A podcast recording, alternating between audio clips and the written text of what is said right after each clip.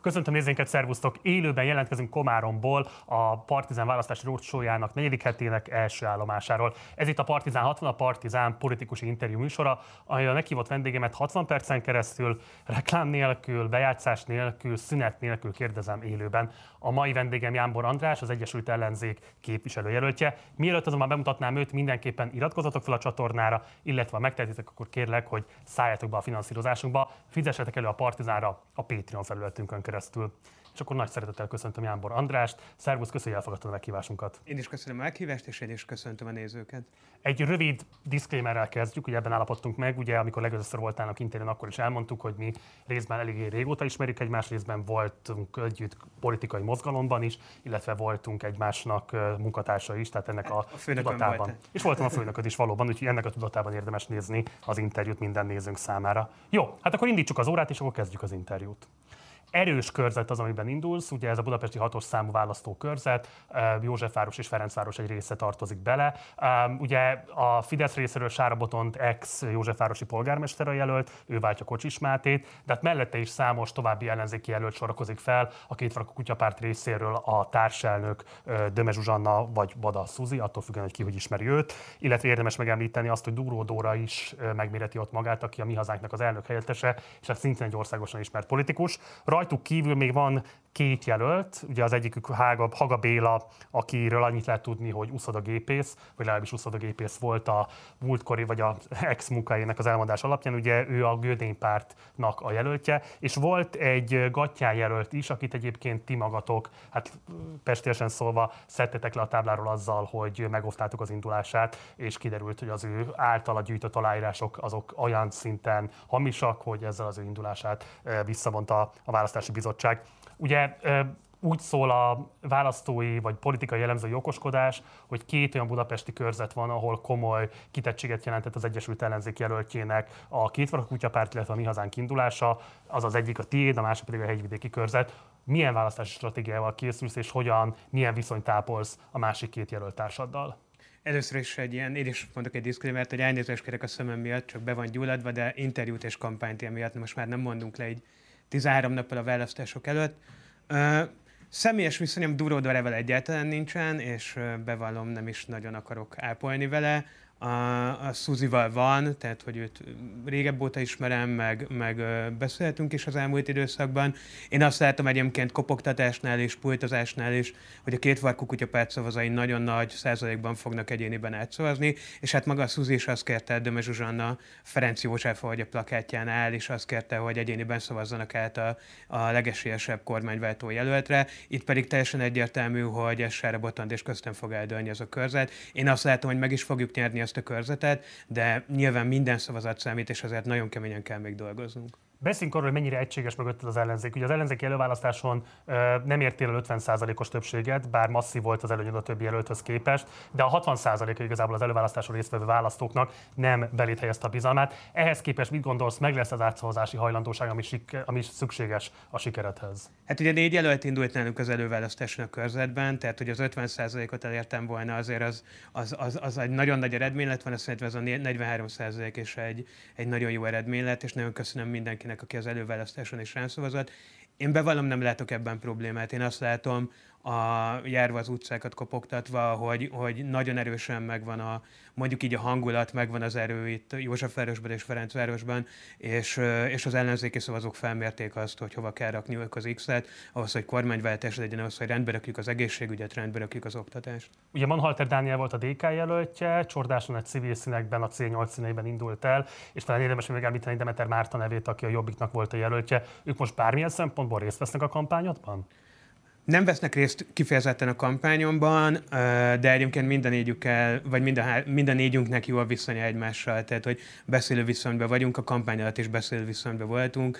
Szerintem egyébként ez egy ilyen szempontból is nagyon jó kampány volt az előválasztáson, hogy, hogy nem volt ilyen egymással való torzsalkodás, és, és hogyha volt például vitás kérdés, akkor ezt meg tudtuk beszélni egymással. Ez egy rendkívül diplomatikus válasz, de nincs egy olyan jelenség, hogy az előválasztáson indult és alul maradt jelöltek. Igazából letették a talantot, és nem nagyon veszik ki a részüket abból, ami mellett egyébként elköteleződtek, hogy a győztes jelölt mellé állnak, és támogatják őt a tényleges megméretetés során is. Be valamit inkább nekem van sorám, tehát hogy, hogy mind a hármuktól volt olyan, hogy, hogy hívjam őket, de nyilván mi nem arra koncentráltunk, hogy az előválasztási jelölteket hívjuk, hanem hogy ezt a kampánytervet végrehajtsuk. Ebben a kampánytervben egyébként a Momentum, az MSP, a DK, a Jobbik, a párbeszéd és az LMP is részt vesz helyben. Iszonyatosan sok segítséget kapunk, egy, egy nagyon erős kampánycsapat állt össze szerintem a választókerületben, és tényleg a, a nem tudom, amikor plakátrongálások voltak nálunk, akkor a helyi 9. kerületi MSZP-s képviselő Torzsa Sándor bevágta magát az autóba,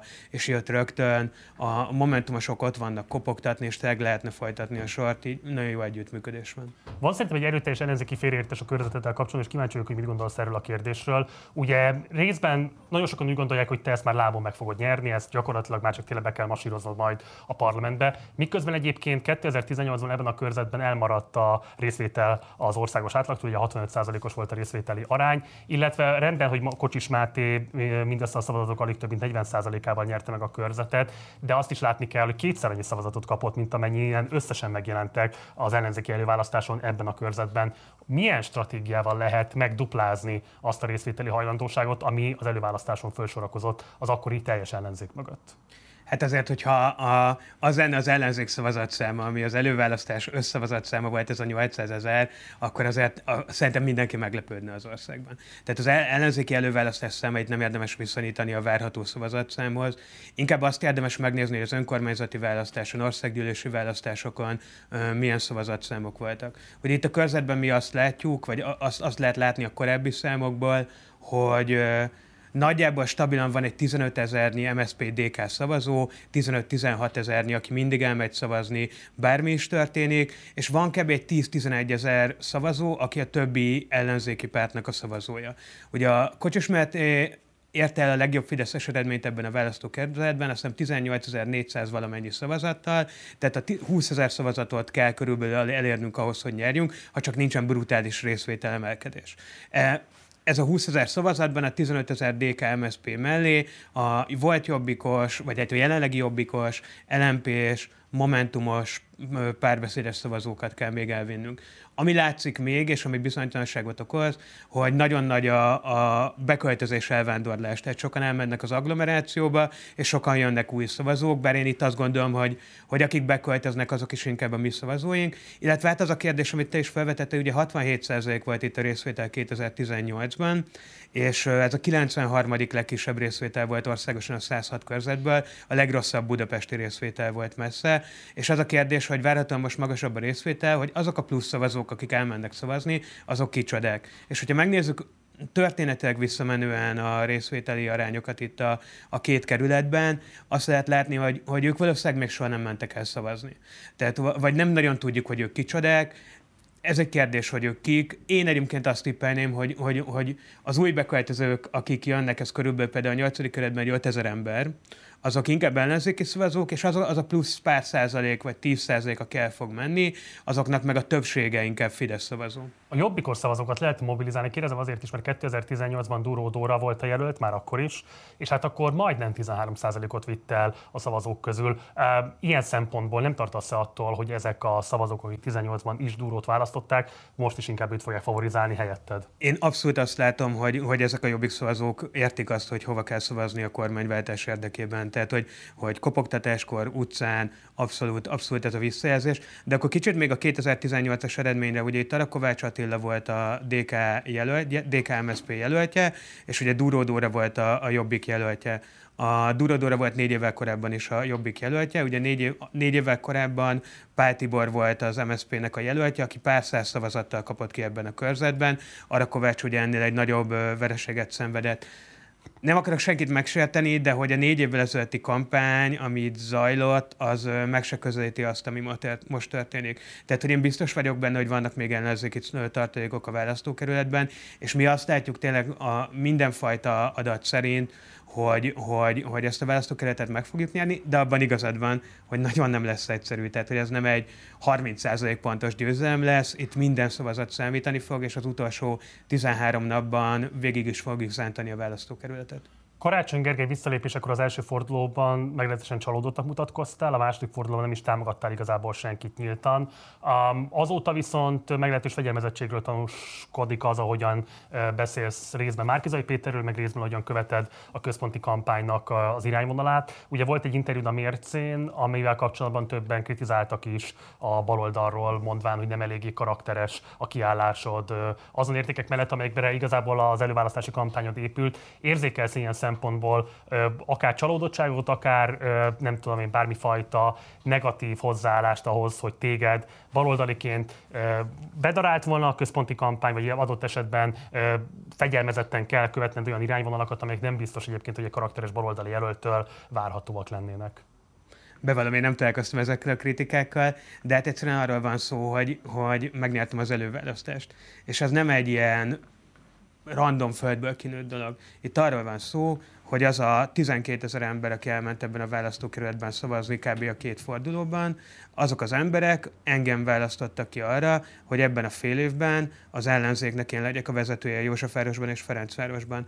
És egyébként ilyen szempontból az, hogy én kit szeretek, kit nem szeretek, a, az, az lényegtelen. Az a lényeges, hogy nekem hozzá kell járulnom ahhoz, hogy Józsefvárosban és Ferencvárosban és országosan is megnyerjük ezt a választást. És nincs feszültség abból a kampányodon belül, hogy egy karakteres baloldali jelöltként nyilvánvalóan egy fiskálisan alapvetően konzervatív elveket valló miniszterelnök jelölt tel kell közösen dolgoznod azért, hogy legyen kormányváltás.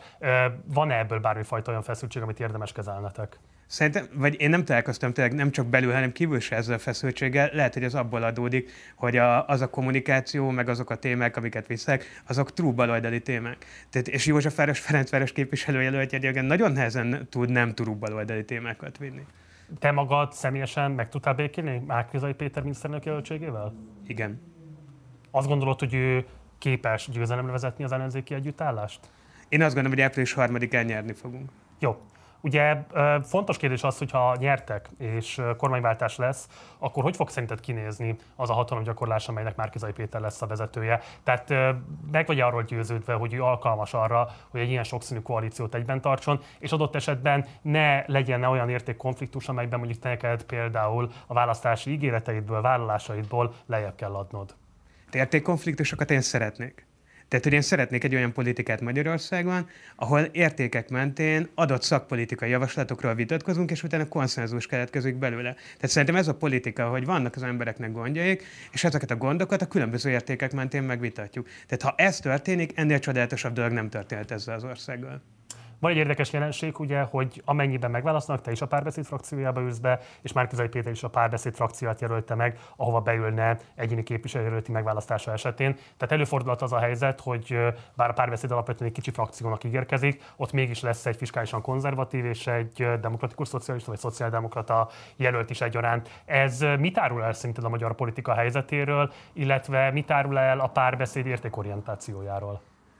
Hát szerintem az van egyébként, és, és szerintem ez a Fidesznek az egyik nagy előnye, és tehát ez nem csak a magyar politikának a sajátossága, hogy, hogy ezek a konzekvens, értékalapú politizálások, ezek, ezek egyszerűen eltűnnek, mert hogy tényleg ezek a pillanat uralása című fejezetek vannak, pillanatnyi politikai döntések mentén, jól lemért közvénykutatások mentén alakul a politika, és nem politikai agendák és értékrendek mentén ez, ez egy helyzet. Én, én ezen szeretnék változtatni, és ezért is akarok ezen változtatni, mert szerintem akkor lehet jó politikát csinálni, hogyha tényleg az emberek szükségleteiből kiindulva konzekvensen viszünk végig politikát.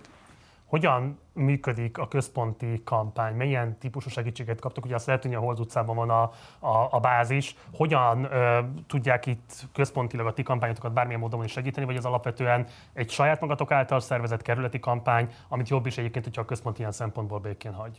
Hát igazából három rész van, tehát hogy van, van a mi kampányunk, ami egy erős helyi kampány, van a párbeszéd, akitől kapunk segítséget, és van a központi kampány.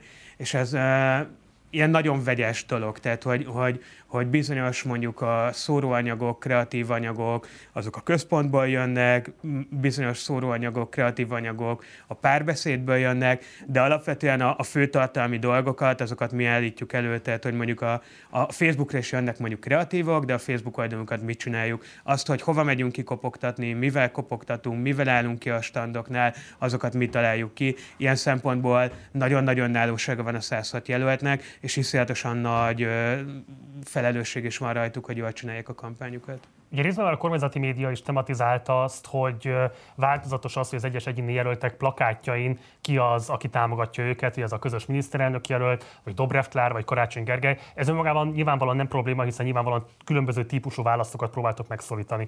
Ugyanakkor lehetett hallani olyat is, hogy azért az egyes, tehát vannak olyan körzetek, ahol kifejezetten örülnek annak, hogyha a közös miniszterelnök jelölt nem teszi tiszteletét, és ilyen szempontból az ő megítélésük szerint nem rontja a megválasztási esélyeket. A te megítélésed szerint ki az, aki tudná rontani kifejezetten az esélyét, és ki az, akinek viszont a támogatása elengedhetetlen ahhoz, hogy győzelemre hozza a körzetet? Ez egy jó kérdés, de egyébként ugye az Olá Lajosnál vannak ezek a Dobrev Kláres plakátok, amikről, amikről szó volt, vagyis én ezt láttam. Alapvetően én úgy tudom, hogy nincsen külön Dobrev Kleres plakát, ami a központ által van gyártva.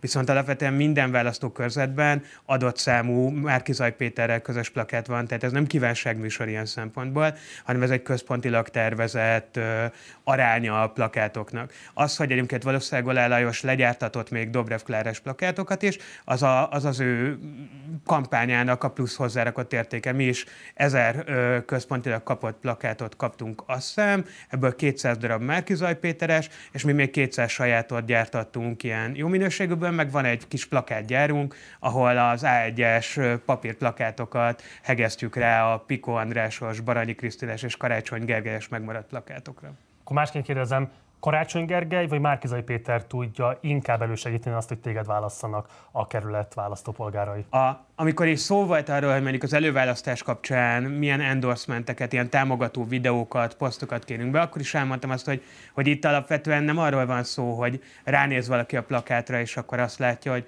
hú, hát ott van a Márki Péter, akkor, akkor őt szeretem, nem szeretem, akkor erre az egyéni jelöltre nem fogok szavazni. Tehát, hogy ha akarnám, se tudnám Márki Zaj Pétert kiszedni ebből a kampányból. Egyébként nem akarom kiszedni Márki Pétert ebből a kampányból, hiszen hát ő az ellenzék miniszterelnök jelöltje, akit az előválasztáson megválasztottak. Ezek a, ezek a támogató videók, támogató plakátok, vagy, vagy bármilyen támogatás dolgok arról szólnak, hogy megemelik a jelöltet azzal, hogy olyan ismert szereplők is mellettük állnak, akik egyébként ismertek már a választópolgár számára. Tehát, hogy ilyen szempontból én, én nem érzem ezt a, a, az ilyen nagy különbséget ebben. Például nekem a, a, a legnagyobb hatású ilyen, ilyen támogatásom az a Ferge Zsuzsanna támogatása, amit innen is köszönök, és, és hogy, hogy ott is egyébként nem arról van szó, hogy valaki azért fog rám szavazni, mert azt gondolja, hogy Ferge Zsuzsa ajánl egy politikust, akkor a száz százalékig jó, de az, hogy Ferge Zsuzsa ajánl valakit, az már számít. Akkor másként teszem fel a kérdést, az előválasztás során részben azzal is marketingeltet saját magadat, hogy te vagy Karácsony Gergely jelöltje. Mostanra fordult itt a politikai széljárás, hogy Karácsony Gergelynek fontosabb lehet mondjuk adott esetben a te támogatásod, mint neked nem. Karácsony Gergely támogatása? Nem, mert azért én messze vagyok attól, hogy egy országosan ismert politikus vagy főpolgármester az én támogatásomra szorul. De nem érzékeled azt, hogy az első előválasztási első fordulában történő kifarcolása után a te választópolgáraid adott esetben dühösek, és nem biztos, hogy már működik olyan szempontból Karácsony Gergely neve, mint ahogyan esetleg működött az előválasztás választás során? Jövő héten ilyen utcafórumot tartani hozzánk Karácsony Gergely, és akkor a kampányzáron is fog beszélni, úgyhogy én abszolút nem érzékelem ezt. Márkizai Péter részt fog venni a kampányodban? Márkizai Péter ugye Budapesten nem kampányol, hanem a billegő körzetekben, de volt nálunk még januárban, és egyébként ez egy nagyon-nagyon-nagyon jól sikerült és nagyon nagy fórum volt a Blahalójáróban. Több mint 200 ember volt ott januárban, amikor még nem működött ennyire hatékonyan a központi kampány mozgósítása, meg a miénk sem. Nem túlzott elbizakodottság ez az ellenzék részéről, hogy a miniszterelnök jelölt nem fordul meg a budapesti kör körzetekben, vagy inkább az áll mögött, hogy azt gondoljátok, hogy az urbánus választók körében lehet, hogy inkább taszítaná választókat semmit meggyőzni őket arról, hogy szavazzanak az ellenzékre? Hát én azt szeretem egyébként, hogy Budapesten meg fogjuk nyerni mind a 18 körzetet. Ebben teljesen biztos vagy? 99 százalék. Egy százalék esély mindig van, hogy nem. Melyik körzetet érzed a legkevésbé biztosnak? Hát ezt most nem, nem mondanám meg, hogy melyiket érzem. Egyébként nem a sajátomat érzem a legkevésbé biztosnak, de, de hogy, hogy mi választást akarunk nyerni, és ez teljesen egyértelmű, hogy ezt a választást, ezt nem Budapesten fogjuk megnyerni. Tehát akkor tudjuk megnyerni ezt a választást, hogyha azokban a billegő körzetekben, ahol tényleg nagyon szoros az állás, ott tudunk nyerni, és ezért kell Márki Zaj Péternek oda mennie. Ugye, ha már behoztad ezt a kérdést, a Budapesten kívüli választókörzetek egyéni jelöltjének a kampányra mennyire látsz rá, hogyan látod az ő készültségüket? Ezt kérdezem azért is, mert most már jó pár hete járjuk az országot, és hát nyilván itt a háborús helyzet is nagyon keresztbe tett az összes kampány tevékenységnek, nyilván a hideg idő sem kedvezett ennek, de nem lehet azt látni, hogy hatalmas kampánykészültségben lenne az ország. Neked mik a belső tapasztalataid? Látod-e azt, hogy oda teszik magukat azért, hogy legyen ellenzéki győzelem? Én kettő-három kampányt láttam személyesen, mert hogy, hogy ott voltam. Ott, ott én azt láttam, hogy, hogy ami energia van, az bele van tolva a dolgokba. Nyilván nem látok rá minden kampányra, lehet, hogy van olyan kampány, ami, ami mondjuk így kevesebb dolgot csinál, de én azt látom, hogy, hogy egyébként tényleg iszonyatos energiák vannak megmozgatva. Nyilván itt egy nagyon nagy erőfülöny különbség van. Tehát, hogy amikor egy e, vidéki fideszes jelölt oda megy és kiszor 300 laptopot egy iskolában, ami ugye a simán mert kampánytevékenységként most már az alkotmánybíróság döntése szerint, és szembe pedig az a kérdés, hogy van-e elég e, szórólapnyomtatásra pénz, akkor, akkor azért nagyon nehéz ezeket a kampánytevékenységeket összehasonlítani. És még így is, még így is az van, hogy, hogy abszolút van esélyük megnyerni azt a választást. És még ebben az iszonyatos nagy különbségben is az van, hogy március 15-én ott volt sok tízezer ember a műegyetem rakparton, és nem volt azért olyan brutális nagy különbség mondjuk a békemenet és a kormányváltó ö, megemlékezés között. Ebben egészen biztos vagy? Én a konzervatív becslések is azért másfél-kétszeres különbséget ö, számoltak. Hát szerintem max másfél, tehát hogy, hogy a, a minden, én is olvastam cikkeket, a Petőfi híd, jó, nem menjünk bele ebbe a számháborúba, tényleg szerintem másfélszeresnél nagyobb nem volt. De hogy, hogy azért lássuk, hogy ez a másfélszeres különbség, és úgy van, hogy mondjuk az egyik oldal elköltött egy milliárd forintot erre, a másik oldal meg elköltött mondjuk 50-et. És az, hogy egy tüntetésen hányan vannak, az nem arról szól, hogy ki hányan szimpatizálnak egy tüntetéssel vagy egy megmozdulással, hanem arról szól, hogy hány ember tudsz elérni hirdetéssel, hogy hány ember tudsz konkrétan megfogni a kezét, felültetni egy buszra, és lepakolni ott, ahol, ahol kezdődik a tüntetés. Egyetértesz azzal az ellenzéki meglátást, hogy a mostani választás vízválasztónak tekintendő? Hát biztos, hogy vízválasztónak tekintendő. Nyilván ez sokfajta módon lehet vízválasztó. Az van, én is azt gondolom, hogy ha, ha most nem nyerünk, akkor, akkor, akkor nagyon-nagyon-nagyon nehéz lesz az után bármi. Ugye az is egy nagyon fontos kérdés ez, mert hogy picit ez egy ilyen elemzéki pszichózis is. 2014-et is vízválasztónak tekintették, kétharmad lett az eredmény, 2018-at is annak tekintették, kétharmad lett az eredmény. Ugye most az az állítás, hogy eddig soha nem indult egységben az ellenzék, soha nem volt még olyan kitett a gazdasági helyzet, mint most, és hát a háborús szituáció sem feltétlenül kedvez a kormánypártoknak. Ha mégis ilyen körülmények között a Fidesz tudna újrázni, annak szinte mi a legfontosabb tanulsága? Hát ezt majd április harmadikán vonjuk le szerintem a tanulságokat, hogyha a Fidesz esetleg nyer. Én most nem készülök arra, hogy a Fidesz nyer. Jó, Beszéljünk akkor a hát jelölőszervezetedről, ugye formailag ez nyilván a párbeszéd, de egyébként ugye te a szikra jelöltjeként Igen. nyerted a jelöltségedet, szerintem még a mi nézőinknek a döntő többsége sem tudja pontosan mi az a szikra mozgalom, úgyhogy kérlek, hogy röviden mutasd be őket. Hát a szikra egy, egy balos-zöld ilyen mozgalom, ami 2019-ben még Szabad Budapest néven alakult. Balos fiatalok alakították azért, mert úgy gondolták, hogy szükség van egy reálpolitikai platformra, ami részt tud venni és tudja segíteni olyan jelölteknek a győzelmét, amik, akik, akik értékrendben közel állnak hozzá. Ugye Piko András, Baranyi Krisztina, Karácsony Gergely kampányát segítették, a, és illetve ugye én is a Szikra tagja vagyok, tehát az én kampányomat is segítették. A, a Szikra szerintem az egyetlen magyar politikai szervezet, ami még soha nem vesztette el választást, úgyhogy reméljük ez így marad április harmadikán is.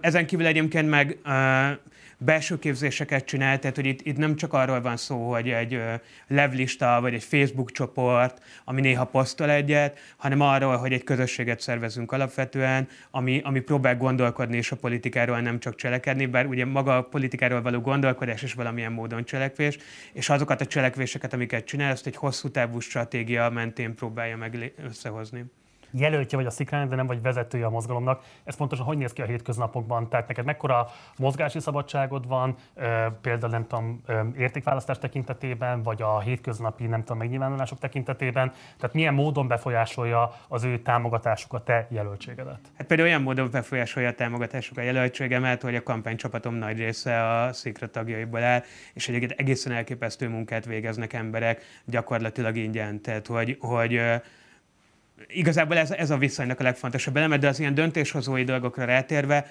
én a, a saját politikai agendám alakításában abszolút szabad kézzel rendelkezem.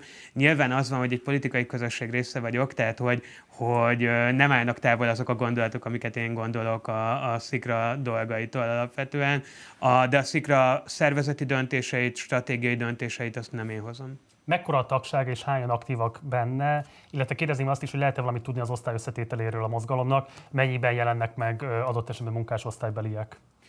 Hát szerintem pontos számot nem tudok most, de több száz tagja van. Tehát, több száz? Igen, hát szerintem olyan 3-400 környéke lehet most, de nem tudom És pontosan. mind aktívak? Nem, nem, nem, azért tehát nem az, hogy minden nap 300 ember megy kikopogtatni mondjuk, de hát a, a kampányomban mondjuk a múlt héten körülbelül 200 ember vett részt és csinált különböző tevékenységeket. Bocsáss meg, aki a te aktivistád, az egyben automatikusan nem, is? Nem, nem, nem, nem. Uh, itt az van, hogy az előválasztásnál is a, akik az előválasztás után akartak csatlakozni a szikrában, azok végigmentek a szikratak felvételi folyamatán, illetve voltak olyan emberek, akiket a, a szikrások külön megkerestek a kampányból, hogy örülnének, hogyha csatlakoznának.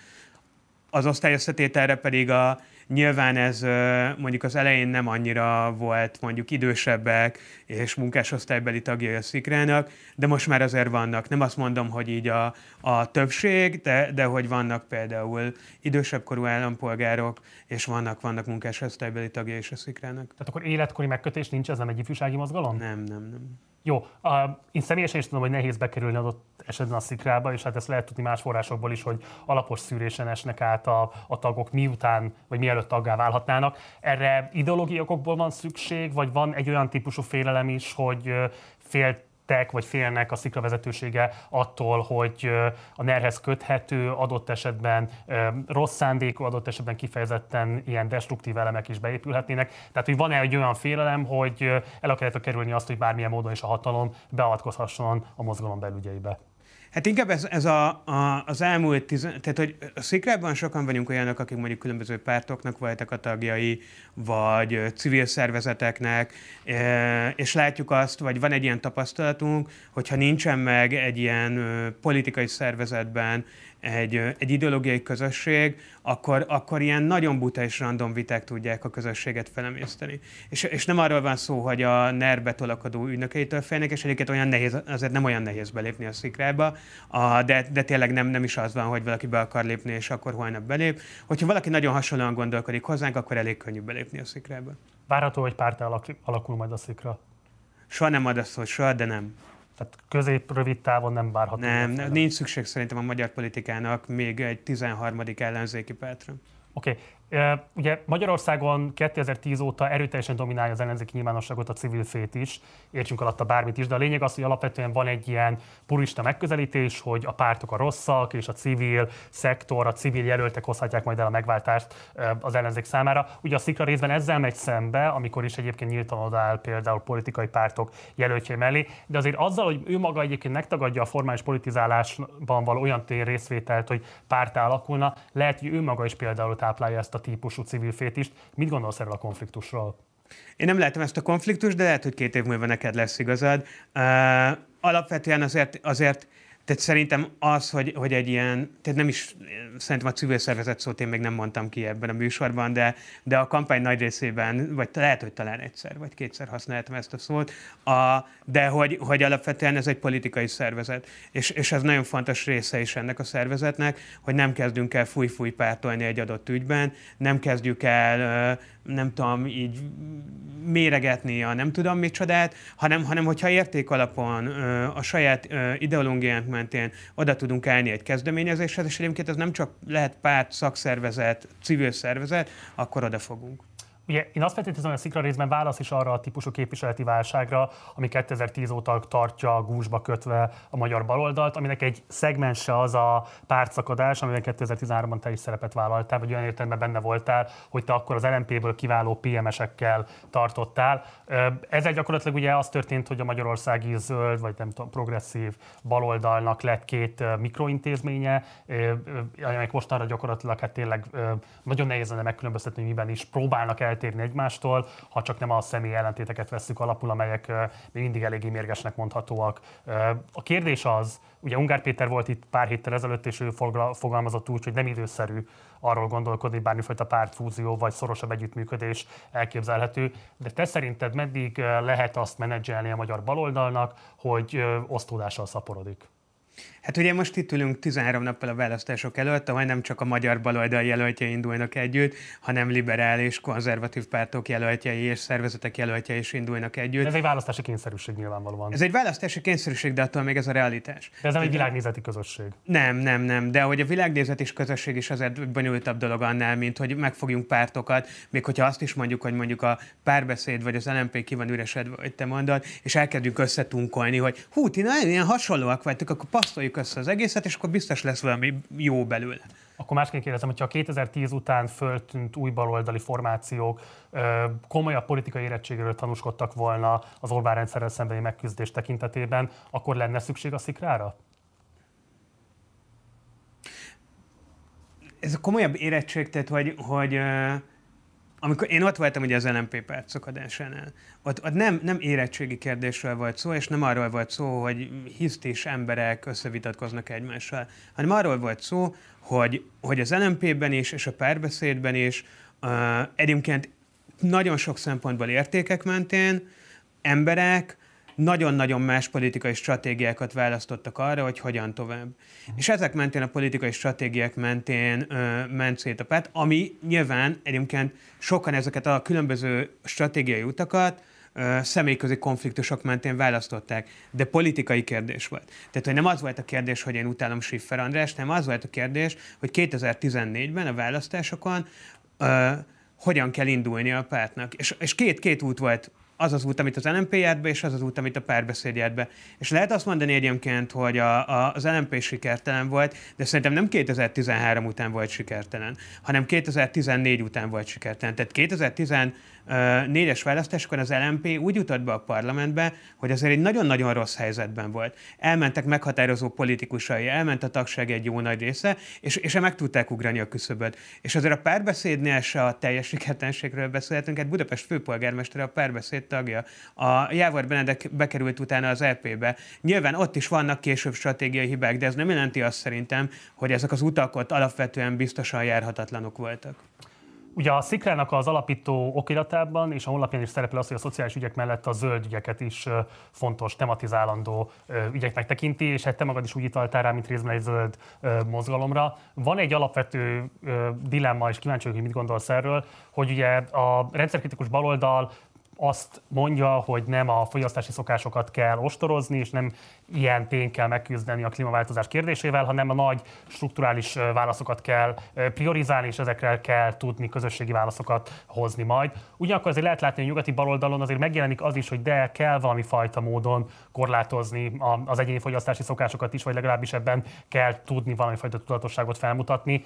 A te tekintetedben, vagy a te számodra és a kampányodban kifejezetten hogyan jelenik meg a zöld kérdés? Szerinted milyen módon kellene ezt a két szempontot összehozni, vagy szükségszerűen kell priorizálni közöttük?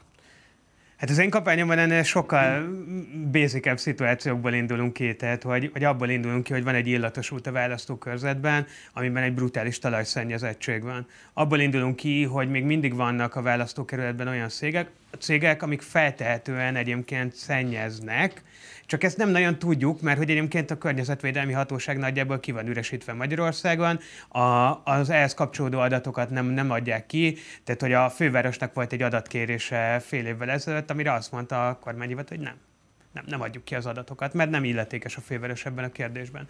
Van egy kis erdőhelyzet, a, ami ugye körülbelül a Városligettel egyenértékű szituáció, ahol ott van a Galvani híd terve, amit átvezetnének egy, egy erdőn ott a, a határút mentén.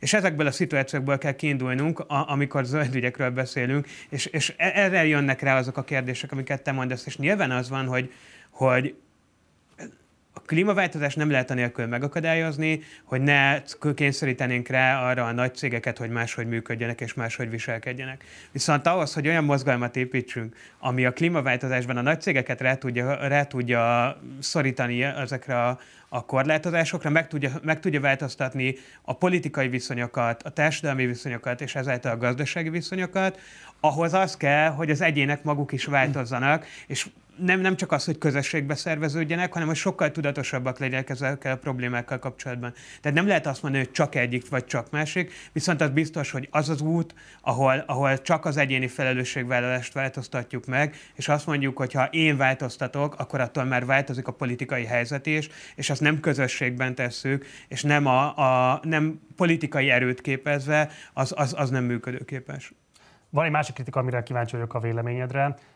Ez föl szokott merülni a rendszerkritikus baloldallal szemben, és nem csak a centrista kritikusok részéről, hogy hát lényegében, hogyha most nem a szikrát veszük alapul, azért a képviseleti rendszerek és a liberális demokráciával szembeni szkepszis az sokszor az ideológilag nem indoktrinált külső szemlélő számára azért azt a benyomást erősíti, hogy mintha lenne ö, sokféle azonosság a NER ö, politika felfogása és a rendszerkritikus baloldal között, abban az értelemben, hogy a liberális demokrácia milyen módon alkalmas vagy nem alkalmas arra, hogy elrendezzük benne a közös ügyeinket. Mit gondolsz arról, milyen ö, véleményed van erről a típusú ö, kritikáról? Hát nem jó. Tehát ugye én nem értek egyet ezzel a kritikával. Tehát, hogy azzal egyetértek, hogy mondjuk a, Egyrészt ezek a liberális demokrácia fogalma mit jelent pontosan, a, az is egy kérdés ebben a, ebben a kérdésben, hogyha arról beszélünk, hogy mondjuk a, egy részvételibb demokrácia felfogásra van szükség, egy olyan demokrácia felfogásról közelítjük a hatalmat az emberekhez, hogyha egy olyan demokrácia felfogásra van szó, ahol mondjuk sokkal több olyan elemet hozunk be, ami nem csak jogi kontrollt jelent, hanem szuveneritáson keresztül az emberek kontrollját. Ha egy olyan demokrácia felfogásról beszélünk, ami nem csupán a politikát a, akarja szabályozni, hanem a gazdasági tevékenységeket is, azt, hogy mondjuk adott oligarchák, nagy tőkés csoportok milyen hatással vannak a politikai berendezkedésünkre, akkor, akkor, akkor igen, akkor a liberális demokráciánál én például többet szeretnék elképzelni. De szerintem egyébként alapvetően ezek, abban, amit én liberális demokráciának hívok, ezek bőven benne vannak még akkor másként teszem fel a kérdést, hogy nyilvánvaló, hogy a rendszerkritikus baloldalnak, ahogy te is mondtad, számos kritikája van, nem csak a képviseleti rendszerekkel, hanem hogy általában liberális demokrácia államfelfogásával, hatalomfelfogásával és így tovább. Ezek lehetnek valid kritikák, de közben egy illiberális neren belül hogyan lehet ezeket a véleményeket úgy képviselni, hogy véletlenül is alakuljon ki az a típusú vélemény, hogy a rendszerkritikus baloldal az kvázi egy ilyen normalizáló hatást próbál kifejteni a NER hatalom felfogása és hatalom gyakorlása tekintetében. Így értem ezt a kérdést, az a sejtésem, hogy a nézők nem fogják érteni. Én azt tudom el... Feltételezünk róluk a legjobbakat, a, és válaszolja a hát, vagy olyan, olyan diskurzusokról van szó szerintem, ami, ami egy nagyon-nagyon marginális és réteg diskurzusok. Én azt tudom mondani, hogy én saját személyemben nem képviselem e- ezeket az árnyalatokat, tehát hogy, hogy, hogy én, én a... Hogy mondjam ezt? Tehát, hogy én nagyon jóba vagyok azokkal a liberális gondolkodókkal is, egyébként, akik, akik ezeket a kritikákat megfogalmazzák, és én azt gondolom, hogy, hogy tudok velük vitatkozni, és nagyon sok mindenben egyetérteni. Szerintem vannak olyan gondok ebben az országban, ahol el se tudunk odáig jutni, hogy mi baloldaliak és liberálisok összeveszünk egyáltalán, azokon az egyébként nagyon fontos tartalmi kérdéseken, amiken egy normális demokráciában összevesznénk. De hogy, hogy nem tartunk itt egyszerűen. Jó megválasztásod esetén, és pláne kormányváltás esetén ezt lehet tudni, hogy nagyon sokszínű koalíciónak leszel a tagja. Hol húzódnak a vörös vonalak számodra? Tehát mi az, amit már nem szavaznál meg adott esetben, ami számodra egy olyan kérdés, hogy abban semmifajta frakciófegyelem, vagy a miniszterelnök személye iránti lojalitás nem fog tudni abba az irányba tolni, hogy mégis velük menj? A magánegészségügy, a még durvábban fizetős felsőoktatás, ez, ez két, olyan, két olyan, tehát hogy, hogy igazából inkább azt mondom, hogy mindkettőnél abba az irányba el, eljutni, hogy mindenkinek járó ingyenes ellátás legyen, mert hogy, hogy hogy ez egy rémálom Magyarországon, hogy valaki, aki, aki keveset keres, vagy valaki, akit feketén alkalmaznak, annak, hogyha a balesetet szenved, akkor még utána ki kell fizetni az egészségügyi ellátását. A, és nem a, nem a saját hibájából, hanem azért, mert hogy feketén alkalmaztak, ugye, itt, ugye konkrétan itt a TB elvételéről van szó, ami, ami most már 70-100 ezer embert érint Magyarországon. Igazából nem is nagyon tudjuk, hogy miről van szó. Tudjuk, hogy egy részük azok, azok külföldre mentek el, és ezért nem fizetnek TB-t, de hogy ez nincs is kiderítve. Tehát, hogy, hogy például ez egy olyan irány, amiben mindenképpen a mindenkinek járó állami egészségügy felé kell elmozdulni, de alapjáraton, hogyha, hogyha ebben a két témában, a, a, az oktatás és az egészségügy témájában a magánosítás felé fogunk elmenni, én nem gondolom, hogy arra megyünk el, tehát hogy én nem látok ilyen szándékot, hogy erre mennénk el, de akkor azok nekem stoppok. A úgynevezett TB törvény kapcsán kifejezetten ennek a szabályozásnak a visszavonását szorgalmaznád? Abszolút. Mi lesz az a három ügy, amit ha megválasztanak és ben vagy a parlamentben, akár kormánypárti, akár ellenzéki képviselőként, a ciklusod prioritásaként fogsz megjelenni? Tudnál-e három ilyet mondani? Igen. A, az egyik ez, ez a energiatakarékos ö, beruházások, tehát hogy panel és gangosház felújítás, amire ugye a helyreállítási alappénzeiből bőven jutna forrás, hogyha a erre akarna elkölteni a, a miniszterelnök úr, meg egyébként itt ugye ez arról szól, hogy olyan energiatakarékos beruházásokat csinálni, amivel olcsóbb lesz a rezsi, és amivel, amivel alapvetően így a bolygó is jól jár attól, hogy, hogy kevesebb lesz a fogyasztás alapvetően. Itt egyébként egy fun fact, hogy van a másik ügy a déli városkapú beruházás, amiben a diákváros is tartozik, és 80 milliárd forint jut ebben a ciklusban zöld és energiatakarékos fejlesztésekre Budapesten. Ez a 80 milliárd forint, ez mind arra fog elmenni, hogy a déli városkapu projektnek a területrendezését csinálják meg, ahelyett, hogy mondjuk a panelházakat szigetelnénk le. És akkor igen, a másik az a lakhatási válság kezelése, tehát maga a diákváros megépítése, a bérlakásépítés, az önkormányzati bérlakások helyzetének a rendezése, visszaadni azokat a pénzeket az önkormányzatoknak, amiket a Fidesz elvet, amiből egyébként nem csak a lakhatási válság rendezésére jutna, hanem köztisztaságra is. És a harmadik, amit én nagyon-nagyon fontosnak tartanék, és az ide is kapcsolódik kicsit, az a hajléktalan ellátó rendszernek a rendezése. Tehát uh, itt ugye nálunk ez egy nagyon hátprioritás. Itt az van, hogy a, hogy, hogy a Fidesz épített az elmúlt 12 évben egy brutális konfliktust a helyi lakosok és a hajléktalan emberek között úgy, hogy semmilyen megoldási javaslatot nem kínált. Tehát az ellenfelem Sára Botond, aki a kormányhivatal vezetője, még azt is megakadályozta, hogy a városházában egy hajléktalan szállót tudjon nyitni a főváros, amiben egyébként a 8. kerületből költöztettek volna a hajléktalan embereket. És egyébként nagyon sok szakmai terv van arra, hogy hogyan lehetne a hajléktalan ellátórendszert úgy átalakítani, hogy egyébként egészen elképesztően méltatlan olyan állapotokból, amiben most ott hajléktalan emberek, emberek vannak, olyan állapotokat teremteni, amiben a hajléktalan emberek esélyt tudnak kapni. Tehát a hajléktalan emberek 60-70%-a dolgozik. Iszonyatosan fontos lenne az, hogy ne egy ilyen létfenntartó helyzetben legyenek, hanem olyan kisebb mértékű, kisebb intézményekben, amikben, amikben van esély mondjuk úgy a kitörésre. Másrészt pedig, ugye az én választókerületemben van messze a legtöbb hajléktalan ellátó intézmény, és igen, ez, ez okoz konfliktust a helyi lakosokkal. Nyilván az van itt, hogy ez nem a sok minden, amit a, a hajléktalan embereknek tulajdonítanak, az egyébként nem hajléktalan emberek csinálják, tehát hogyha valaki a buli negyedben lakik, ott is találkozik olyan dolgokkal, ami, amit nálunk például a hajléktalan embereknek tulajdonítanak, de vannak, vannak konfliktusok, és vannak jogos igények a helyi lakosok részéről. És ezért kéne az, hogy kisebb intézmények jobban elosztva Budapesten legyenek alapvetően. Tehát, hogy ez, ez a három, vagy egy kicsit négy volt egyébként, de ezek azok a prioritások, amiket én mindenképpen végig akarok verni a parlamenten kormányváltás esetén vállalna le kormányzati szerepet?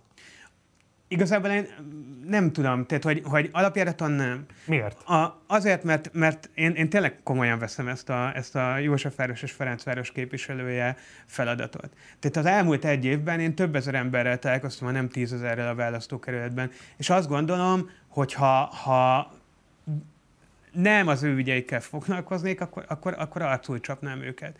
Azt el tudom képzelni, hogy valami olyan pozícióban, ami ezekhez a, az ügyekhez kapcsolódik, de, de igazából szerintem nekem, nekem egyéni képviselőként nekem nem az a feladatom, hogy, hogy kormányposztot vállaljak, hanem az a feladatom, hogy, hogy a 8. és a 9. kerületi önkormányzatot segítve megpróbáljuk megoldani azokat a gondokat, amik a helyi lakosok gondjai Hatházi Ákoson kívül eddig mindenki erre a műsorban nemmel válaszolt. Miért ennyire távolságtartó szerinted a jelöltek döntő többsége, aki itt megjelent a kormányzati szerepállással kapcsolatban? Miért ennyire utálatos ez az elfoglaltság?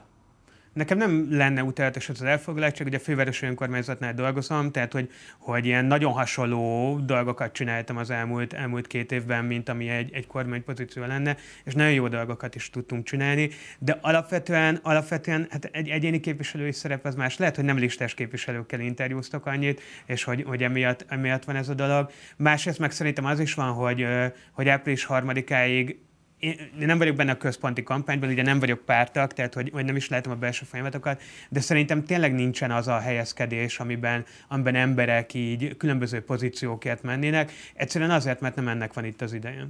Van egy fontos kérdés, amire kíváncsi vagyok még a véleményedre. Ugye nyilván egy baloldali politikusnak alapvetően az anyagi nélkülözésben élők, a bérből és fizetésből élők lehetnének az elsődleges társadalmi csoportjai, amelyekre támaszkodhat. Ehhez képest ugye a különböző kutatások azt mutatják, hogy ezek az emberek jó ideje már a Fidesz politikáját támogatják. Szerinted miért állt elő ez a helyzet Magyarországon?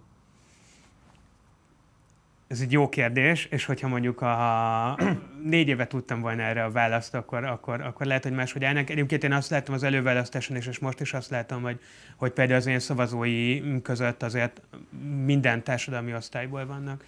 De hát az van, hogy ez, ez, ez, ez azért elérés kérdés, és nyilván akinek, akinek kisebb a fizetése, a, az, az nehezebben tájékozódik a politikáról. Aki, aki két műszakban dolgozik, annak kevesebb ideje van arra, hogy politikával foglalkozzon. Akinek nem kapcsolódik a munkájához az, hogy politikával foglalkozzon, az, az kevesebbet tud meg ebből.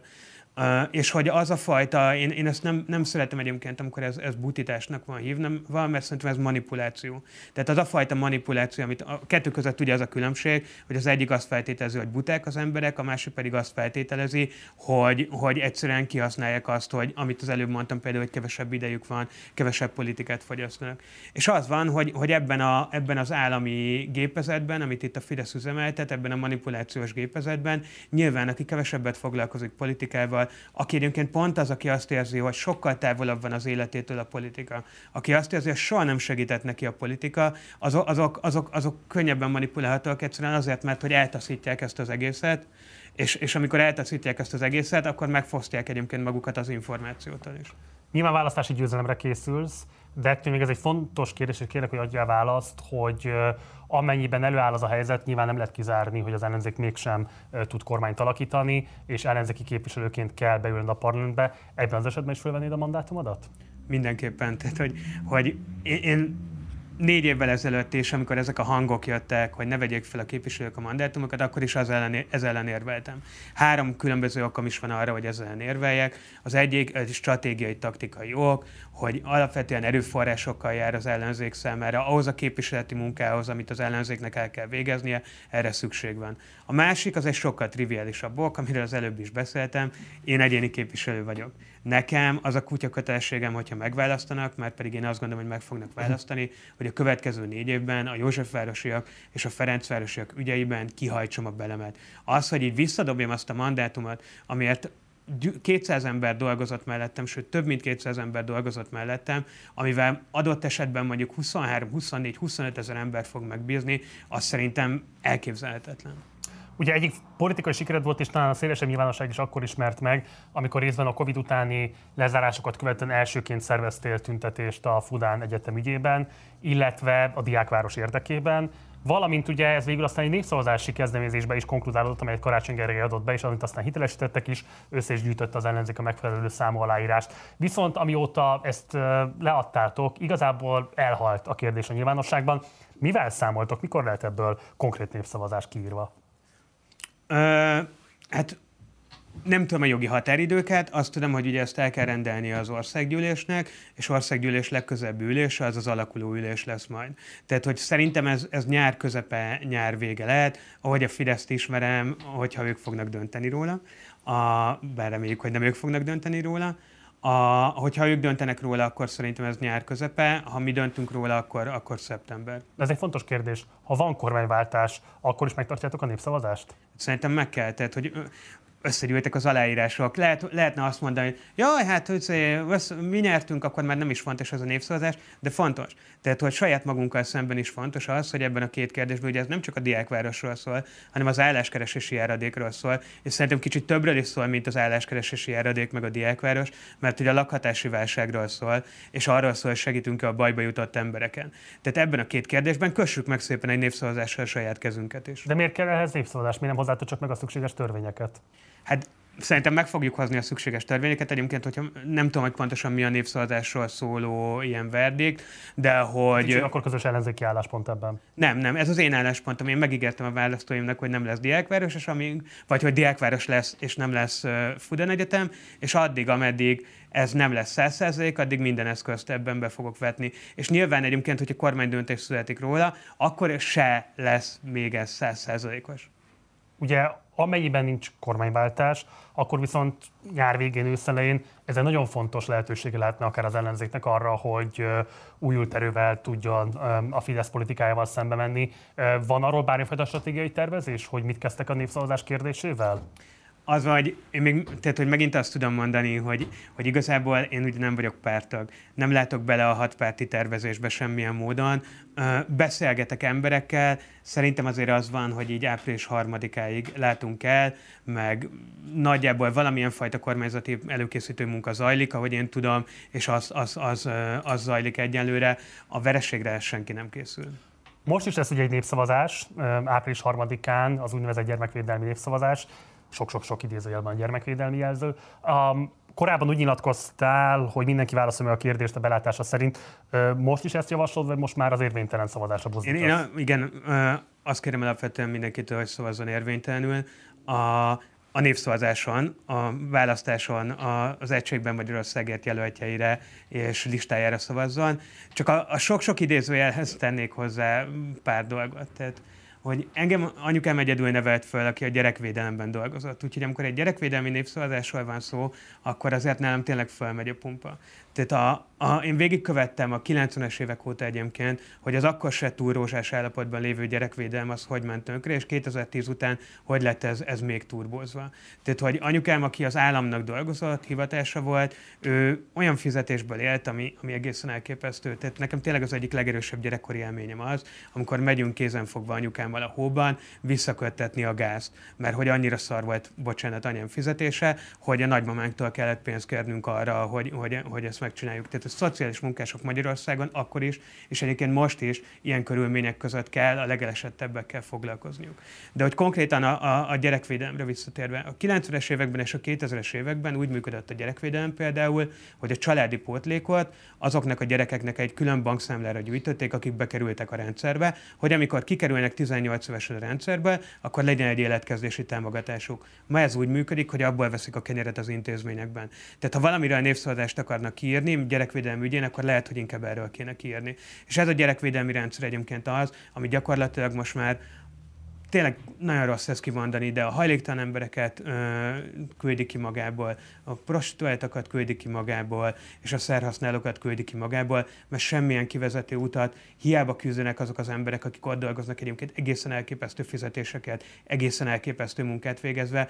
Ez az egyetlen út, ami, ami onnan kivezet gyakorlatilag visszatérve a népszavazás kérdéséhez, hogy nagyon nem kap iránymutatást az ellenzéki szavazó az ellenzéktől arra vonatkozóan, hogy milyen magatartást tanúsítson a választáson, és hát egy rettenetesen komplex helyzet lesz, ugye kapnak az emberek majd egyéni képviselőti szavazólapot, listás szavazólapot, kapnak majd még népszavazási szavazólapot, két névjegyzéket kell aláírni. Szerintem százas, ezres nagyságrendben lesznek azok, akik adott esetben szeretnének érvénytelenül szavazni, és véletlenül majd lehet, hogy pont a listás és az egyéni szavazólapokat nem veszik fel emiatt. Tehát nem kéne sokkal markánsabban kommunikálnia az érvénytelen szavazat melletti kiállását az ellenzéknek? Szerintem az a probléma, amit az előbb elmondtál, az valid. Uh, és hogy pont emiatt a valid probléma miatt van egy nagyon-nagyon nagy kommunikációs helyzet. Egyébként aki megkérdezi tőlünk az utcán, annak szerintem minden ellenzéki jelölt elmondja, hogy húzza be a mindkét X-et a népszavazási lapon. De alapjáraton nagyon-nagyon kevés olyan informált választópolgár van, aki egyáltalán tudja azt, hogy van külön egyéni, meg listás szavazólap. Hát négy évente egyszer találkoznak egy fülkében ezzel a helyzettel. A, nincsen, nincs, nem emlékszik senki arra, hogy mi volt négy évvel ezelőtt, amikor nem tudom, elment a boltba. A, és, és hogy azért az emberek többségének a szavazási aktus az nem olyan sokkal masszívabb dolog, mint elmenni a boltba. De bocs, akkor most igazából azt erősítem meg, amit mondok, ezért kérdezem, hogy hogyan tudná az ellenzék sokkal attraktívabban kommunikálni azt, hogy mi az a szavazói Nem, magatartás. Pont az, pont az ellenkezőjét mondom, hogy hogy ez egy nagyon-nagyon nehéz szituáció, amikor azt kell egyszer elmagyarázni, hogy szavaz érvénytelenül, de egyébként érvényesen is. És ha az van, hogy annyi erőforrása szerintem nincs az ellenzéknek, hogy, hogy azt tudja mondani, hogy, hogy hogy ő most felül fogja tematizálni azt, ami az emberek fejében van, egy, egy teljesen új irányvonalat ebbe a kérdésbe behoz. Szerintem az ellenzéknek az az alapvető feladata, hogy április harmadikán megnyerje a választásokat, mert a szexuális kisebbségeknek Magyarországon akkor lesz jobb, hogyha április harmadikán meg van nyerve ez a választás, akkor lesznek ezek a törvények eltörölve. De akkor igazából azt mondod, hogy ez egy taktikai hallgatás. Az ez egy csapdahelyzet. Amit így próbáltok kezelni akik, tehát hogy én szerintem ezen a héten legalább 50 embernek mondtam el egyébként ezt a dolgot, és itt is most elmondtam, hogy szavazom mindenki érvénytelenül. Sokkal többnek, mint 50. Beszéljünk még az ukrajnai háborúról, és hadd kezdjem azzal a kérdéssel, amit a Szikra mozgalom egyik posztja vett föl, és kíváncsi vagyok a véleményedre. Ugye február 13-án, tehát másfél héttel a háború kitörése előtt a következő szövegű posztot jelentették meg a Facebook oldalukon, idézem. Ukrajna sem passzív elszenvedője a történetnek, azon túl, hogy folyamatosan a NATO tagságért lobbizik, jelenleg erősen nacionalista, kisebbségellenes politikát folytat. Ez nem csak az ország keleti részén élő oroszokra van hatással, hanem például a kárpátaljai magyarokra is. Összegezve tehát az orosz, a nyugati és az ukrán vezetők felelőtlen politikai játszmájának a lakosság fizeti meg az árát. Mit válaszolsz azoknak a kritikusoknak, akik azt mondják, hogy ez a típusú ö, fölfogás, ez nem biztos, hogy nagyon különbözik attól, amit a kormányzat is próbál tolni. Hogyan érvelnél nekik? Alapvetően én nem értek egyet ezzel a poszttal. Tehát, hogy ezt, ezt egyébként a szikrán belül is elmondtam, és az volt egyébként a szikrának ennél sokkal, tehát, hogy ezzel a poszttal az volt a probléma, hogy, hogy az, aki ezt írta, szerintem, nem tudom ki írta egyébként, az, aki ezt írta, szerintem nem mert igazán élesen meghúzni kontúrokat, és nem mert igazán élesen, élesen véleményt nyilvánítani, hanem ilyen egyrészt másrésztezésbe ment bele. A, azóta azért, hogyha valaki még a háború kitörése előtt is elolvassa, hogy milyen posztokat írt a szikra, sokkal markásabb álláspontja van, és ez a sokkal markásabb álláspont egyébként sokkal közel van ahhoz is, amit én gondolok. És mi ez az álláspont akkor? Kérlek, hogy ezt ismertesd. Hát én azt gondolom, hogy van ez a Putyin nevű ember, aki egy végtelenül igazságtalan és undorító háborút folytat Ukrajna népe ellen. És mi lenne az adekvát álláspontja a magyar államnak, illetve hogy mondjuk már megválasztott képviselőnél te magad milyen álláspontot képviselni az országgyűlésben? Mit szorgalmaznál? Hát nyilván, tehát hogy, hogy itt ugye az a helyzet, hogyha ha az orosz hadsereg, vagyis a Putyin hadserege uh, megszállja Ukrajnát, akkor mi egy NATO ütköző állam leszünk gyakorlatilag. Ami, egy, ami egyébként kevés nagyobb veszélyt, nyilván az nagyobb veszély, hogyha Putyin tovább jön, de erre azért kevés uh, reális forgatókönyv van. Nagyobb veszélyt nem tudok elképzelni az ország szuverenitására és biztonságára, mint az, hogyha, hogyha NATO ütköző államként Putyin szomszédja kell, hogy legyünk. Én alapvetően azt gondolom, hogy a, a szankciók irányába kell elmenni. Szerintem az, a, az a, ami, ahogy most haladunk, az, az nagyjából jó. De igazából én nem vagyok külpolitikai szakértő, nem vagyok biztonságpolitikai szakértő, én majd meg fogom hallgatni azokat, akik, akik ebben politikai tanácsot adnak nekünk. Ugyanakkor zöld politikus vagy, és ezért kíváncsi lennék arra, hogy mit gondolsz arról a kérdésről. Ugye most nagyon komoly kitettséget okoz az, hogy az energiapolitikában hogyan lehet az orosz gáztól való függőséget oldani, csökkenteni, milyen típusú lépésekre lenne szükség.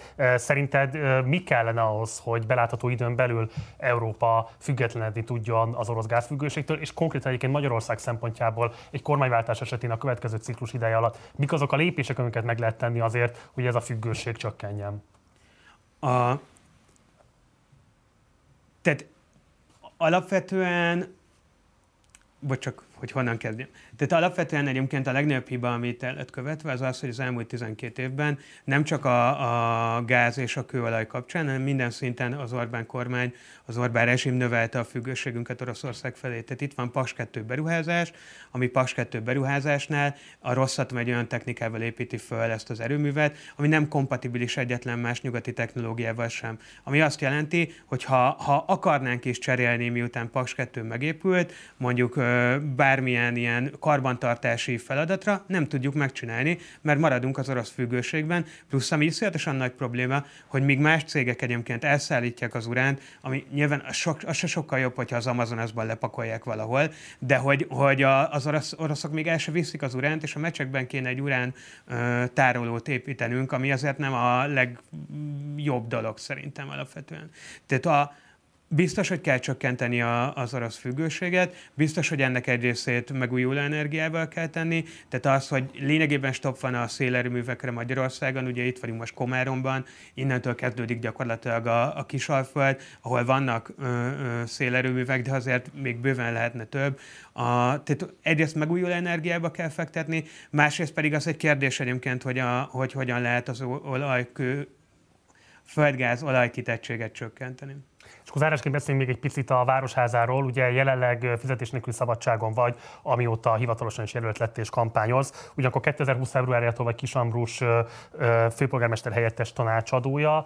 És szeretném, hogy reagálna azokra a kritikákra, amelyek azt fogalmazzák meg, hogy ez igazából egy politikai állás volt abban az értelemben, hogy például megbizatásait között volt a kapcsolattartás a fővárosi önkormányzat és az országgyűlési képviselőtek között. Tehát nevezetesen ugye az a fölvetés veled szemben, hogy te már nagyon régóta igazából közpénzen politikai munkát folytatsz az ellenzék építése és erősítése érdekében. Mit válaszolsz ezekre a kritikákra, mit gondolsz erről a dilemmáról? Hát egyrészt szerintem bárki kérdezze meg a barátnőmet, meg a gyerekeimet arról, hogy mondjuk amikor szombat-vasárnap dolgozok, a, mondjuk például amikor a nem mindegy, nem, nem nagyon beszéltek ugye a szerződésem miatt a munkáról, de volt mondjuk egy olyan projekt, amiben Word dokumentum, amiben, amiben összeraktam ezt a dolgot nagyjából egyedül, abban 200 órányi munka volt másfél hónap alatt. Tehát, hogy, hogy aki azt mondja, hogy ez egy ilyen ulibuli állás, azért azt, azt így elég erőteljesen kikérném magamnak. Nem is feltétlenül a... azt kérdezték meg, hogy elhivatott vagy szorgalmas lennél, hanem az, hogy nem feltétlenül a városháza és a város ügyeivel foglalkoztál, hanem sokkal inkább a politikai pártok és azoknak a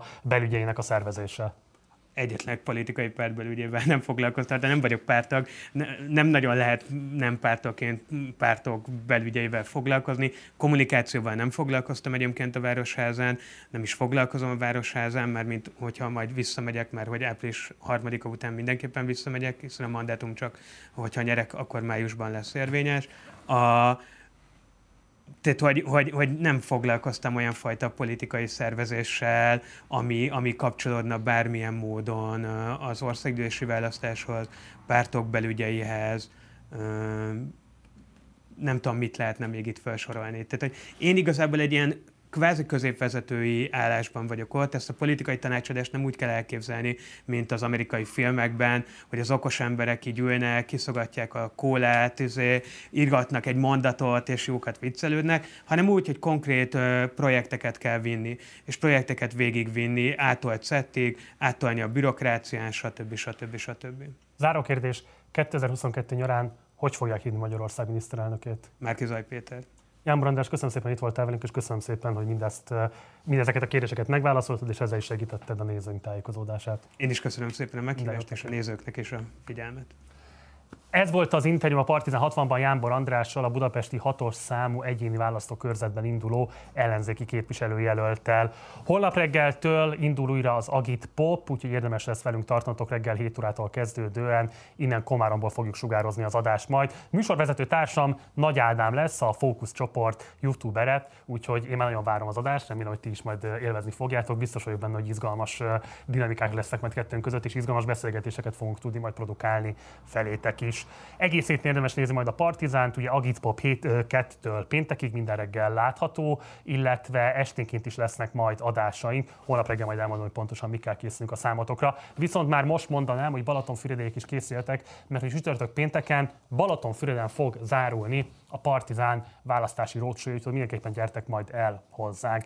És már most akarom azt is jelezni, hogy viszont április harmadikán pedig a Partizán és a 24.hu közös választási eredményváró műsorával kaphatjátok meg a legfölkészültebb információkat arra vonatkozóan, hogy éppen hogyan alakulnak az eredmények, mit érdemes ezekből kiolvasni, hogy történeti visszatekintésben egyébként hogyan néztek ki a korábbi választások. Tehát egy rendkívül izgalmas, élő műsor folyammal várunk benneteket április harmadikán is. Én Gulyás Márton voltam Komáromból, munkatársai köszönöm szépen a megtisztelő figyelmeteket, jó éjszakát kívánok, ciao.